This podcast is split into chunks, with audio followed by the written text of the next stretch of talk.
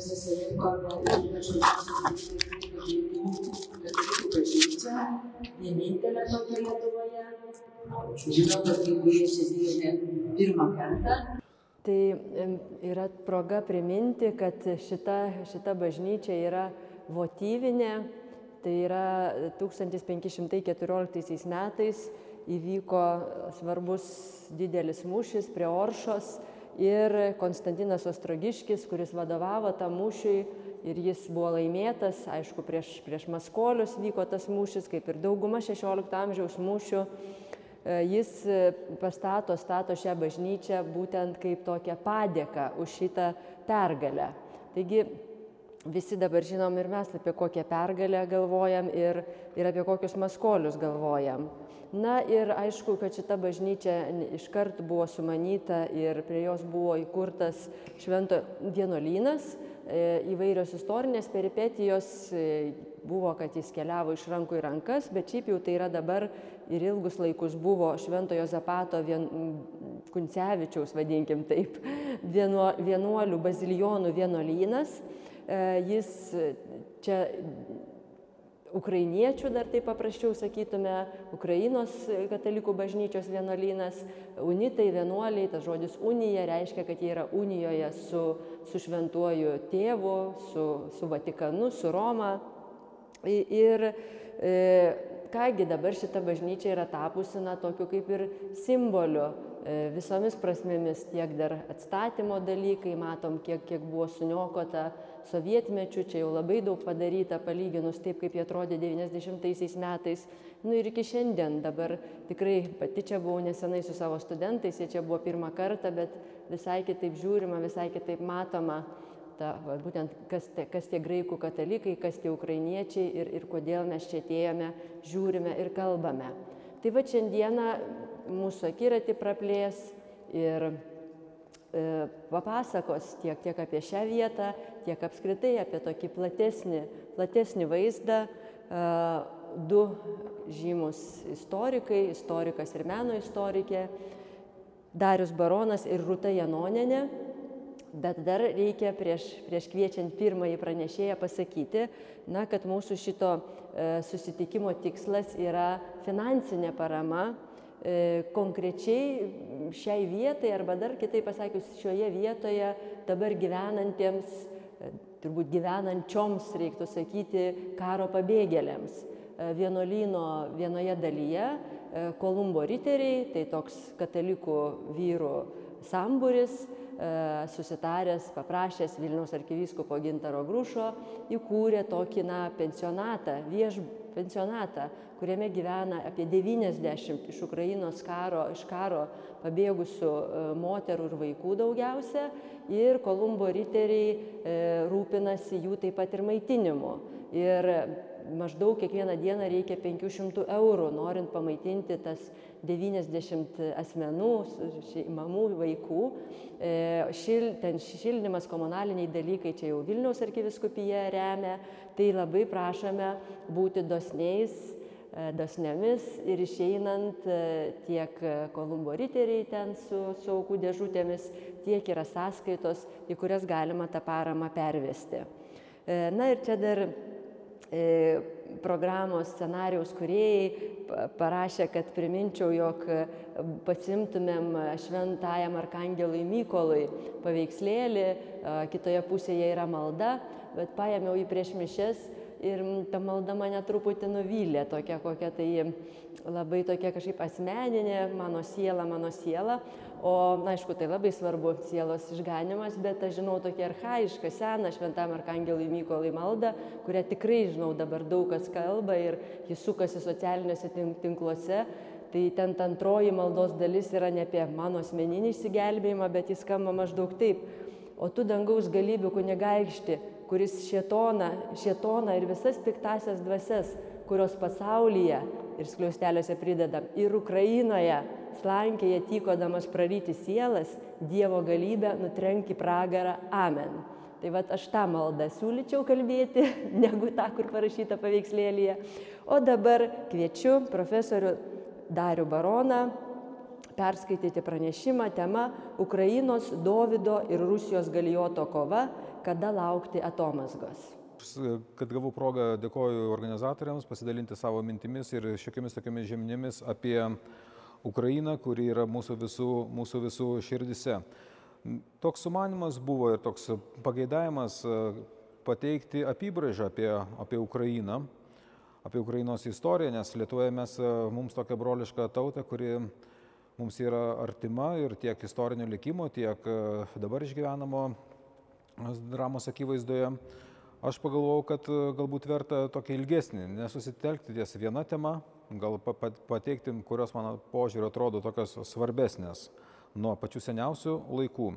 Ir mano tiesiog temas kelias paliesiu, galiu tiesiog anonsuoti, kad man atrodo svarbu yra pakalbėti apie Kievo Rusiją, apie Rusijos krikštą, kodėl Kijevas toks svarbus yra, kasgi tie stačiatikiai, kodėl žiūrime ukrainiečių stačiatikiai vienokie, rusų stačiatikiai yra vis, visai kitokie, tą norėčiau vesti mintį prie to, kad turėtumėm kažkaip iš Rusijos imperinio tokio dominavimo ištraukti Bizantijos paveldą, nes kad, kaip matome, Graikijos stačiatikiai, Ukrainos stačiatikiai gali būti visiškai draugiški katalikams, iš jų galime daug, daug ko pasimokyti, iš jų dvasingumo tradicijos katalikai semėsi, pažiūrėkime, kaip ikonos mūsų džiugina visus katalikus ir pasižiūrėkime, kokie gali būti stabmeldžiai, kokie gali būti žudikai tie, kurie yra iškrypę iš tokio teisingo kelio. Taigi norėčiau sakyti, kad Bizantiją mes irgi turime stengtis lietuviai netapatinti vien tik tai su Rusija, nes matome tam tikrus akidangčius, kuriuos Rusija mums yra uždėjusi ir iš to reikia vaduotis, tam reikia, tam reikia pastangų. Kitas dalykas, aišku, kalbame apie iš kur ta Ukraina, dažnai, dažnai žmonės klausia, iš kur tas pavadinimas. Tai čia yra įvairiausių tokių idėjų. Vienas paprastesnių yra LDK šaltiniuose, kas Lietuvos metriką vartote, skaitote, yra, bent man nuo seniausiai buvo žinomi tokie dalykai, kad tarkime, tai paribys, pakraštys.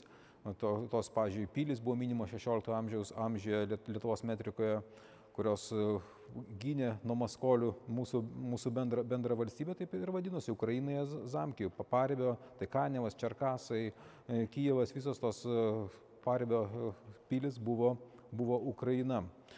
E, tai, galima sakyti, atrodo toks pavadinimas, bet pagalvokime ir mūsųgi mes sakome kraštas Ukraina, kraštas paribys ir mes sakome mūsų kraštas ir čia iš tikrųjų tam tikra teritorija. Ir tam tikras teritorijos akcentas taip pat šitoje, šitame žodėje turi būti, būti, būti, būti girdimas. Pirmą kartą Ukraina beje, beje yra paminėta senokai. 1187 metais Haličio metraštyje, toks pirmas žinomas paminėjimas 12 amžiaus pabaigoje. Bet pats tas kraštas, kas Kijevo sritis, dažniausiai būdavo vadinama Ruska zemlė. Ir čia vėlgi labai yra svarbu tos Rusios, aš norėčiau, čia kai, kai kurie senesnės kartos istorikai rašyti Rusiją, su Rusija tapatindavo, naudodavo tos žodžius kaip sinonimus, tai yra didelė, didelė klaida, didelis neteisingumas.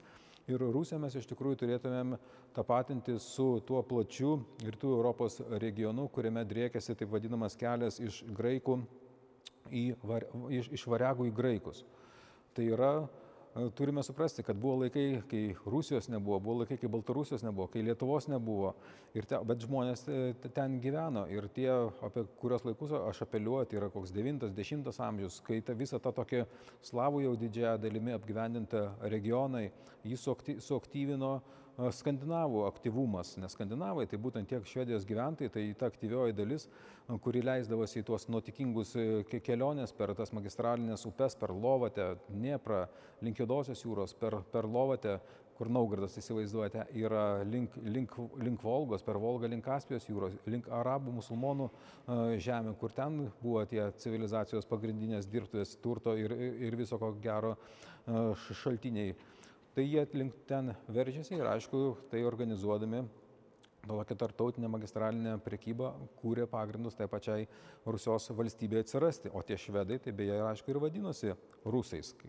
Ir dabar suomių kalba ruocija tai yra, tai, tai, tai, tai yra, yra, yra švedai, panašiai ir estiškai yra, yra švedai vadinami.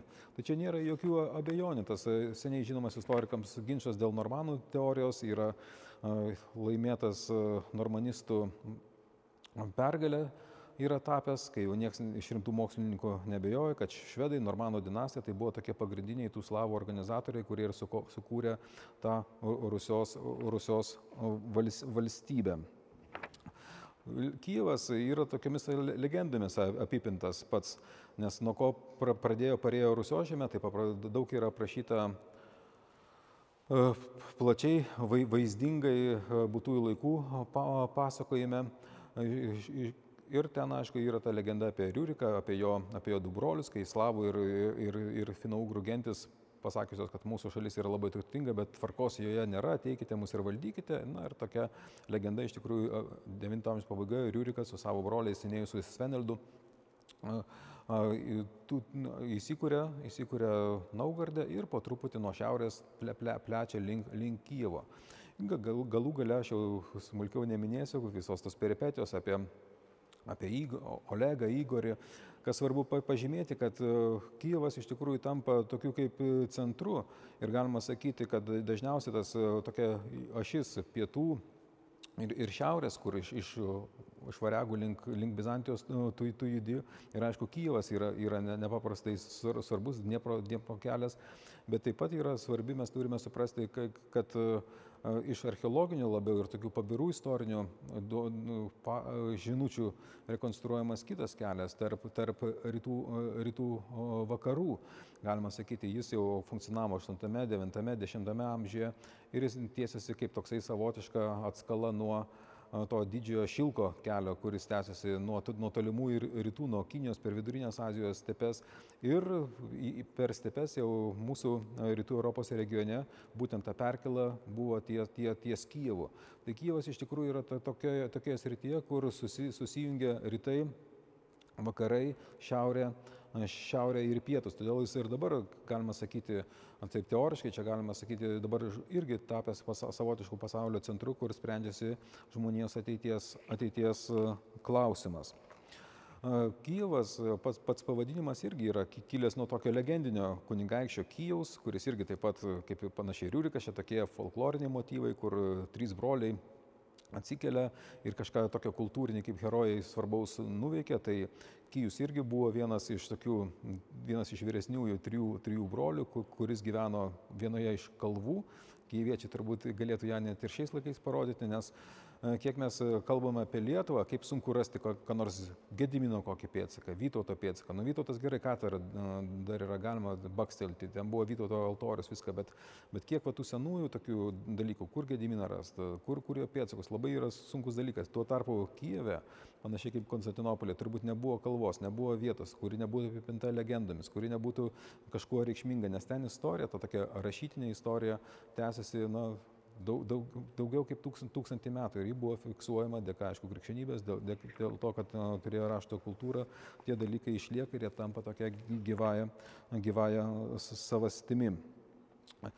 Kijevas toks jau tampa kaip iškurtas Kijevas kaip visų Rusijos miestų, tai irgi yra paminėta tiesiog mano minėtame būtųjų laikų pasakojime, kaip pats Olegas vienas iš Riuriko bendražygių, pamatęs, kad tai yra toks miestas Kyjaus įkurtas, kad čia tokia nebloga vieta, na ir paskelbė, kad čia bus miestas, kuris e, bus vis, visos Rusijos miestų motina. Na taip iš tikrųjų ir, ir, ir yra nutikę. Jis simbolinę vertę ir simbolinę reikšmę turėjo jau tais laikais 10-11 amžiuje, taip pat, taip, pat ir, taip pat ir vėlesniais laikais su tam tikromis e, pertraukomis, kai tas intensyvumas buvo nukritęs, apie tai gal truputį, truputį už, užsiminsiu. Bet e, kitas dalykas, kuris, na, pats miesto įkūrimas, pats ten variagų įsikūrimas, jų politinės organizacijos dėgymas, na ir tokį civilizacinį virsmą, aišku, reikia sėti su Vladimiru, su didžioju Kyivo kunigaikščiu, kuris yra garsus tuo, kad įvedė graikiškąją krikščionybę Kyjeve, Na ir aišku, tam tapo vienu tokiu iš didžiausių nu, Rusijos herojų. Čia tik, tikrai galima statyti į vieną gretą su Konstantinu didžiuoju. Jis neatsitiknai taip pat yra vadinamas lygus apaštalams, nes vėlgi tokia kaip istorinė krikščioniška būti iš, iš tikrųjų atnešė tai e, Kievo Rusija, ta pati valstybė. E, per šimtą metų, sakykime, tapo tarptautiniu mastu pripažinta, nes pats Vladimiras turėjo to susiklošius palankioms aplinkyboms progą vesti Baziliaus antrojo imperatoriaus seserį, seserį Oną, na ir čia buvo nepaprastai didelė garbė, jis aišku tapo per tokią giminystę su imperatoriaus, su imperatoriaus giminė, tarptautiniu mastu pripažintas, tai yra vienas iš civilizacijai priklausančių, asmenų ir tai buvo nepaprastai didelė garbė. Čia gali atrodyti taip, jog, nu, kas čia tokio, kas čia tokio. Bet jeigu Otonas pirmasis savo sūnui ten negalėjo iš, išrūpinti Bizantijos princesės, jeigu ten Otonas antrasis savo sūnui vargais ten iš, išrūpino e, ar, ar, ranką Otonui trečiajam, bet, bet nesusitokė, nes Otonas trečiasis per anksti, per anksti numirė. Tai visi tie dalykai rodo, na, kad net aukščiausios prabos geriausio kraujo tos diduomenės atstovai nebuvo taip paprasta toks. Tai čia su, su Bizantijos imperatoriumi. Tai šiuo atveju jiems iš tikrųjų Rusijai buvo suteiktas didžiulis toks pasitikėjimo, pasitikėjimo avansas ir vėlgi tas pats atsivertimas Vladimiro yra labai spalvingas, kaip jis nuo tokio palaido gyvenimo garsėjančio vikingų tapo uolių krikščionių, kuris iš tikrųjų dėgia naujojo tikėjimo principus, bažnyčią statė, mokytis vaikus verti, dėl ko tėvai ne visi buvo patenkinti ir visus, visus tos dalykus, na, be kurių mes ir šio laikinės civilizacijos neįsivaizduojame. Ir galima sakyti, kitas kunigaikštis, vėl kurį verta minėti, čia jis, aišku, statytas yra Šventos Sofijos katedros, viešpatės išminties katedros abortai Jaroslavas Išmintingasis, kurio epocha pažymėjo ne tik tai tokiais monumentaliais ir visam stačiatikių pasauliui brangiais paminklais kaip Kyivo Olų, tas Pečioro vienuolynas, Kyivo viešpatės išminties katedra, bet taip pat ir rašto paminklais. Prie jo buvo pirmieji metrašiai pradėti rašyti. Metropolitui Ilarijono gyjų tokus nuostabus pasakojimas apie, apie, įstatymą, apie įstatymą ir malonę. Jau ta teologinė mintis, vienuolinis gyvenimas užgimė. Tai iš tikrųjų galima sakyti, va, tas 10-11 amžius tai, tai yra klest, Kyivo klėstėjimo laikotarpis. Kitas dalykas, vėlgi čia visko, visko neišpasakosi, nenoriu aš taip idealizuoti, nes kaip istorikas aš nesu labai toks patogus, nes kartais pasakau ir tokių dalykų, kurie gali kokiai ausiai neskambėti, nes man atrodo visada, kad kartytėse yra geriau negu saldus melas. Tai galima sakyti ir tie laikai nebuvo ten jau tokie be problemų, ten kažkiek reikia prisiminti, kad aišku, jie, ten, jie turėjo visokius pavojų iš pečenegų, iš, iš polovcų, tą Kyivą turėjo ginti ir kaip nuostabu vis tiek, kaip žmonės vertino tą, tą savo teritoriją, tą savo valstybę, kaip, kaip ir dabar tie, pavyzdžiui, gyvatės yra pylimai 10-11 amžiuje su, supilti, jie yra 5-6 metrų iki šiol išlikę.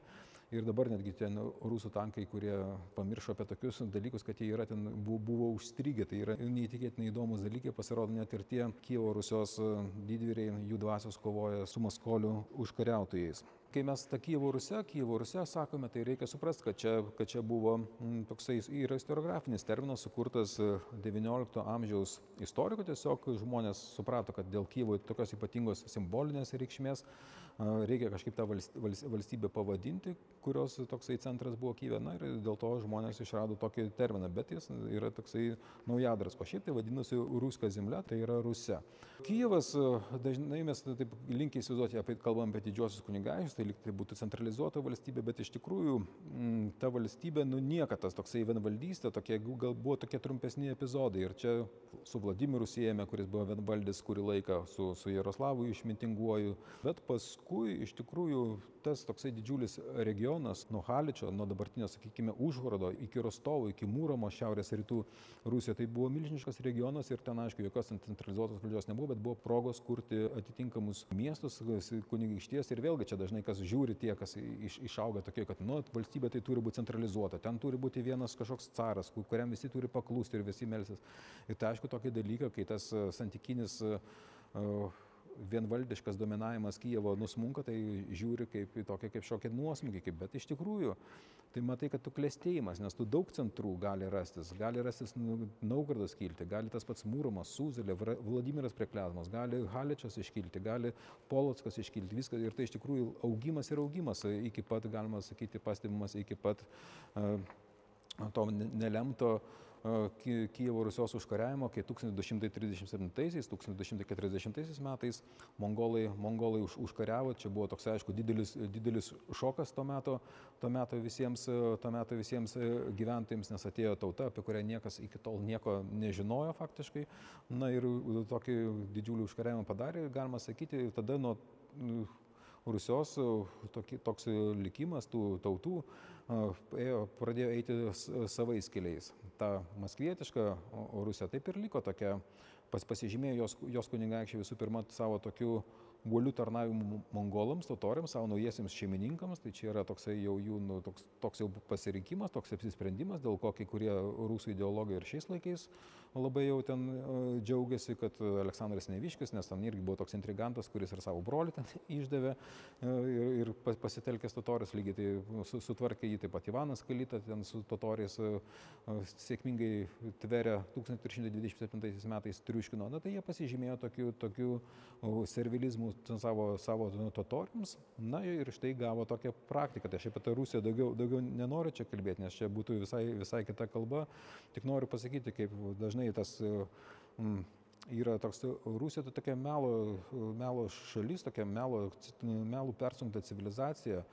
Vieni dalykai yra skirti vidiniam naudojimui, kiti išoriniam naudojimui, paskui ten patys savo tą melę susipainioja, ten, žodžiu, vakariečiams tai ypač tada sunku yra suprasti, kas ten yra, nes iš tikrųjų jie patys dažnai nežino, kas yra, o, kai, o, o iš tikrųjų veidą savo parodė ir parodo va, tokiais, tokiais kritiniais atvejais, va, koks vyksta va, karas šiuo metu Ukrainoje. Tai galima sakyti, kad pasižiūrime, atrodo, Rusija. Na irgi likti krikščioniška šalis viską, bet tie vakariečiai, kurie atidžiau tą civilizaciją tyrinėja, na, tai mato, kad visa ta praktika, visa, kaip sakyti, tas elgesys, tas brutalumas, tas ne, neišpasakytas žiaurumas, tai yra tos mongolų ir jų mongolų sukeltos traumos pasiekmė. Nu, tik visa ta išorė gali ten būti bizantiška, gali būti kažkokia, bet, bet esmė, bet esmė yra, to, bet esmė yra mongoliška, totoriška praktika, kuri vienas dalykas jie įsisavino per savo servilizmą savo šeimininkams, o kitas dalykas pamatė, kad tai, kad tai efektyvu tiesiog kurti tokią vergų, vergų visuomenę ir ta vergų visuomenė iš tikrųjų, iš tikrųjų yra, kaip matome, labai netgi, netgi pavojinga, ne tik tai ten ten viduje, bet gali, taip sakant, jos neapykantą kitiems pliūkštelti ir anapus jos kontroliuojamos, kontroliuojamos teritorijos. Tuo tarpu Ukrainos e, žemės išgyveno tą kitą tokią epochą, nes pakliuvo į Lietuvos ir Lenkijos valdžią ir, ir, ir čia turėjo visai kitas e, e, sąlygas vystytis. Čia svarbu pabrėžti, kad Čia buvo toksai kitoks režimas, tiek Lietuvos epochai, dabar Ukrainoje iš naujo yra atrandama kaip laisva nuo tos totoriškos nu, betvarkės ir, ir savivaliavimo, nes kunigaikščiai, aš taip įsivaizduoju, koks Algirdas. Tai jis kūrė tokią imperiją, kuri buvo pagrista, na, tokios plačios giminės, plačios šeimos bendradarbiavimo. Tai yra jis tos, kai parašo Sačiatikių metropolito savo valdomus, tai jis ne tik tai prašo tiems tai teritorijai, kurią jis tik tai valdo, taip, didžiai kunigyštis, bet taip pat ir savo giminaičių Rusijos kunigaikščių teritorijoms. Tai rodo, kad na, iš tikrųjų norėjo kurti tokią vis, visai kitų pagrindų, tokio solidarumo, solidarumo ir bedarbiavimo pagrindų, kas yra, na, vėlgi taip savotiškai, galbūt bizantiškai, nes bizantiečiai imperatorius irgi įsivaizduoja, kad jis yra tokios, na, kaip didelės valdovų šeimos tėvas. Tai gal Algirdas irgi tą patį imitavo. Ir čia daugiau tokia apie metapolitinį, iš tikrųjų, tokį autoriteto dominavimą kalbama. Čia ne apie kažkokias duoklės, ne apie kažkokius bizūnus, ne apie kažkokią niekinimą, kur ten tie, ir brutalų tarp tarpus, tarpusavio elgesį. Dar svarbu pabrėžti, kad tas toksai režimas reiškia tokios na, teisinės sąmonės e, dėgymą. Ir čia, aišku, vakarų civilizacija rodė didelį, didelį pranašumą, nes tos privilegijos, mums tai atrodo pirmieji dokumentai, kada čia 14 amžiaus pabaigoje atsiranda, dar kažkokie atrodo tokie menki popieriukai, nu ką ten kelios įlūtės parašyta, dar kažkokie, bet tai iš, iš esmės tai buvo žmogaus teisų pirmtakai tai tos privilegijos. Tai vadinasi, kad ir tu bajoras gauni, tai yra didelis, didelis laimėjimas, kad tu teisės gauni. Tai vadinasi, kunigaikštis negali va, taip suimti nei, nei iš jo, nei iš to, koks kaip tironas ten nuspręstų ir, ir tu neturi jokios pasipriešinimo galios. Tai tu, va, čia vakarietiškų institutų dėgymas buvo labai svarbus ir tas jau aš nenoriu čia daug jūsų dėmesio užimti, iš tikrųjų, kai ką turiu, turiu trumpinti. Ir tie dalykai, kodėl aš kalbu, kad atsiranda toksai abipusiškumas tarp valdomųjų ir, ir, ir valdančiųjų. Čia mums atrodo toksai vat, kontraktinis supratimas yra labai, supra, nu, kaip su, savaime suprantamas. Ne, dokumentai, tos privilegijos, rodantis tokį abipusiškumą, tai nebuvo savaime suprantami dalykai. Čia vėlgi yra tokio vakarietiško senjorų ir vasalo santykių, e, e, santykių bruožas ir tokia, man atrodo, esminė savybė, kai ir valdovas turi tam tikrų pareigų, ir valdinys turi tam tikrų, tam tikrų pareigų. O ten, mongoliškame, tame azijietiškame pasaulyje, tai valdovas, kaip sakykime, jokių pareigų iš esmės neturi valdinių atžvilgių. Valdiniai tik turi pareigas jo, jo, atžvilgių, tai yra tarnauti, paklusti, žodžiu, su jo, su jo valia sutikti ir tas, kas yra studijavęs bent jau dėl įdomumo Ivano Žiaurijo, siautėjimą, jo tam psichopatinius, psichopatinius išpolius, tai vat, pamato tą tokią e, visuomenę visiškai tokią demoralizuotą, visiškai negebančią tironai pas, pasipriešinti, tai čia yra iš tikrųjų tokios vergų visuomenės bruožas. Tuo tarpu jau lenkiu link kazokų kurie irgi taip pat yra laikomi ukrainiečių valstybingumo tokiu kaip pagrindu šiuolaikiniai moderniai ukrainiečių tautai tai man jie patinka dėl to, kad jų tokie idealai buvo laisvė ir lygybė. Ten aišku, nebuvo, kad jie turėjo savo atamanus, etmonus, mes paprasčiau e, sakytumėm, nes kiekviena grupė turi kažkokį tai lyderį e, turėti, čia yra neišvengiama žmogiškoje tikrovėje. Bet jie turėjo tokį supratimą, kad aš tau padedu, tu man padedi ir yra tai bendri interesai, bendras veikimas ir dėl to jie tokius nuostabius dalykus e, galėjo daryti. Kas tie kazokai, galima sakyti. Tie kazokai, aš pasitikrinau, kada jie pirmą kartą pasirodo, tai vėlgi pasirodo 1492 metais. Tai vėlgi čia toksai gal savotiškas Dievo pirštas, kai 1492 metai buvo tokie ypatingi metai, nes pagal bizantietišką kalendorių tai buvo 7000 metai. E, ir žmonės daug kas tikėjosi, kad net Velykų kitais 7001 metais nebešvesime, nes bus pasaulio pabaiga ir viskas, kam čia reikia. Tai žmonės tikėjosi, kad pasaulio pabaiga, bet kaip mes žinome, tais metais įvyko daug nuostabių e, dalykų. Naujas pasaulis buvo atrastas, rekonkista Iberijos pusėsalyje buvo, buvo baigta, o pasirodo, mūsų regione pirmą kartą buvo paminėti, paminėti kazokai, kurie buvo tokie kaip laisvai veikiantis, nekontroliuojami plėšikai, kurie to totorių laivą Dniestro upės žemupyje užpuolė ir dėl to Lietuvos didysis kunigaikštis Aleksandras turėjo aiškintis, ką ten tavo pavaldiniai bus pridarę. Kaip jie galėjo rastis, tai man vėlgi tas vat, ukrainiečių patinka toksai tas laisvės siekimas, kad jie daugiau kaip tokia socialinė jėga pradėjo rastis po Liublino unijos, kai didelės tos teritorijos atiteko Lenkijai ir vėlgi buvo tas toksai baudžiavinis palivarkinis ūkis įvedamas, valdovų ten bajorų didikų latifundijos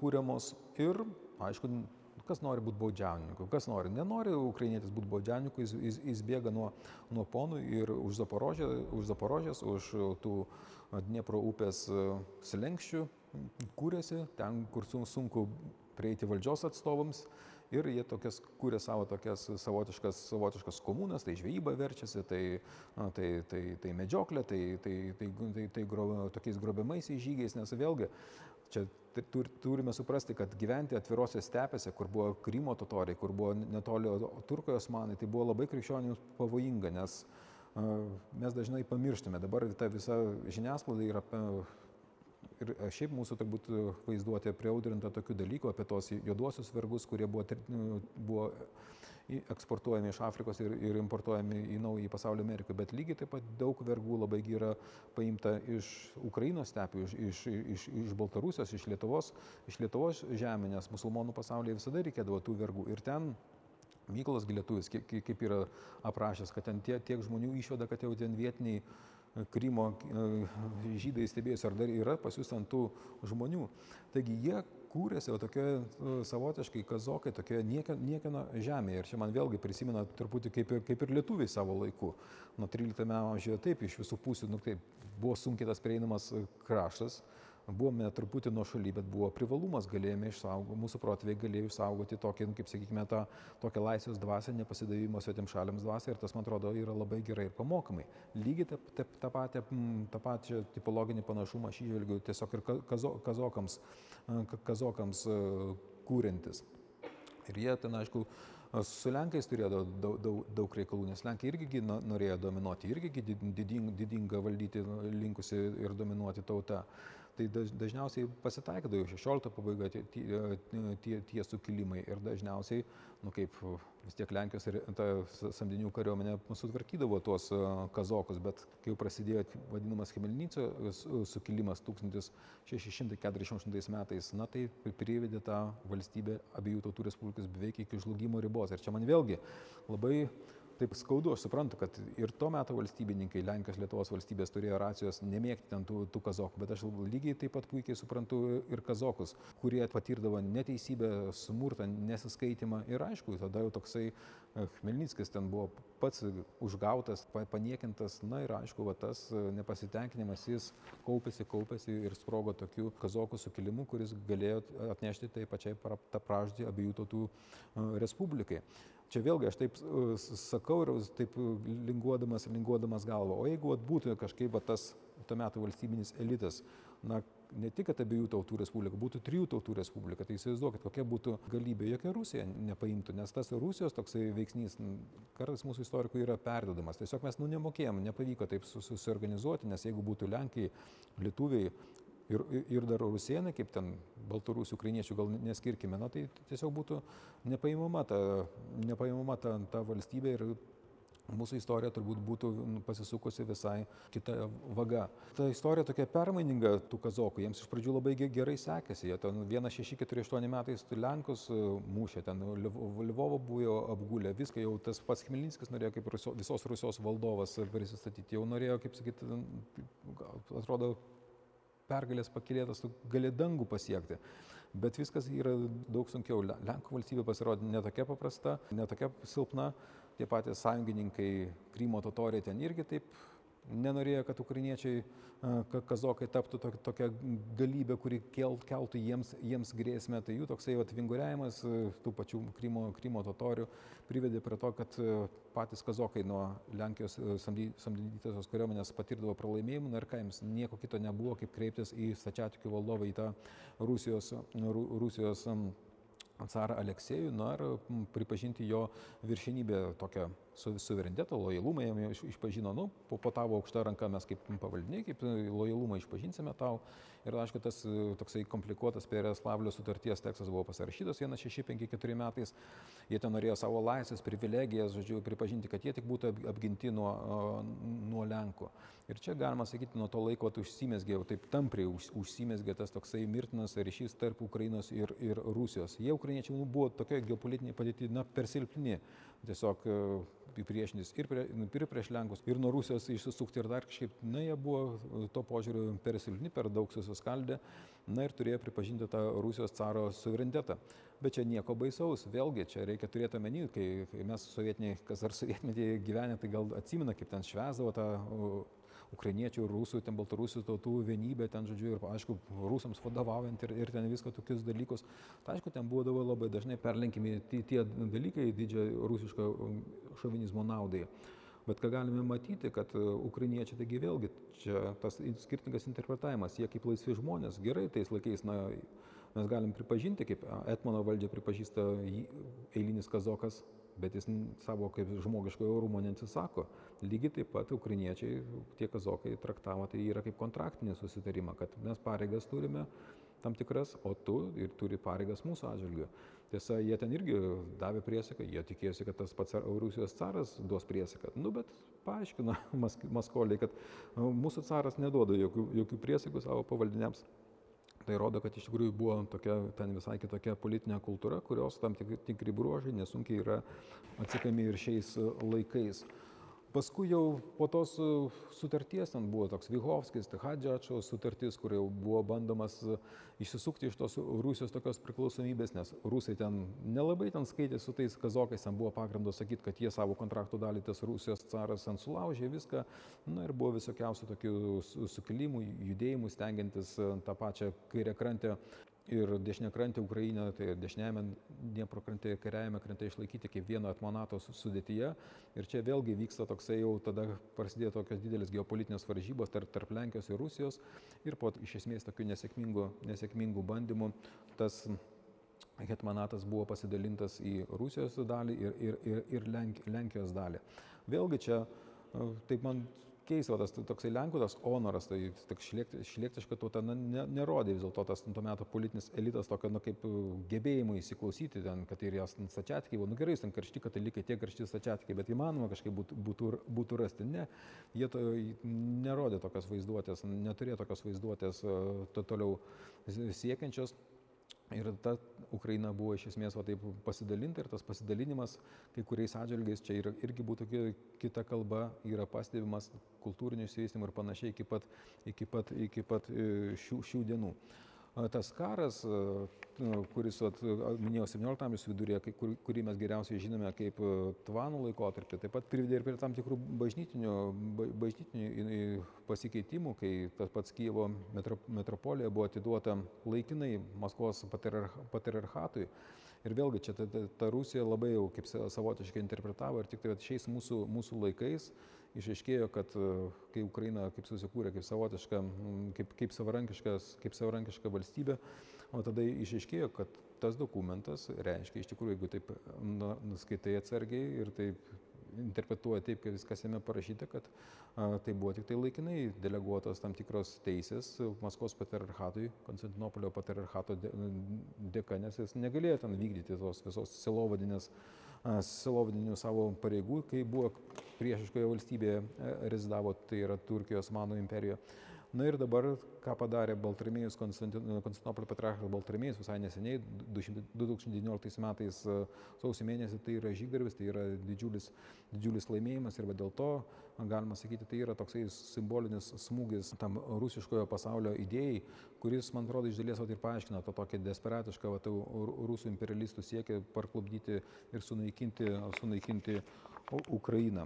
Kiti dalykai, aš jau tiesiog baigsiu apie tą Tarasą Ševčenką, apie kitus autorius nekalbėsiu, bet jų tas atradimas, sakykime, tos ukrainiečių kalbos grožio, raštyjos, viską man labai primena ir mūsų tautinio atgimimo laikotarpį, tas laikotarpis, Daukantas, Stanevičius, kiti mūsų tautinio atgimimo šaukliai, galima tokias gražias paralelės rasti tarp, tarp ukrainiečių ir lietuvių.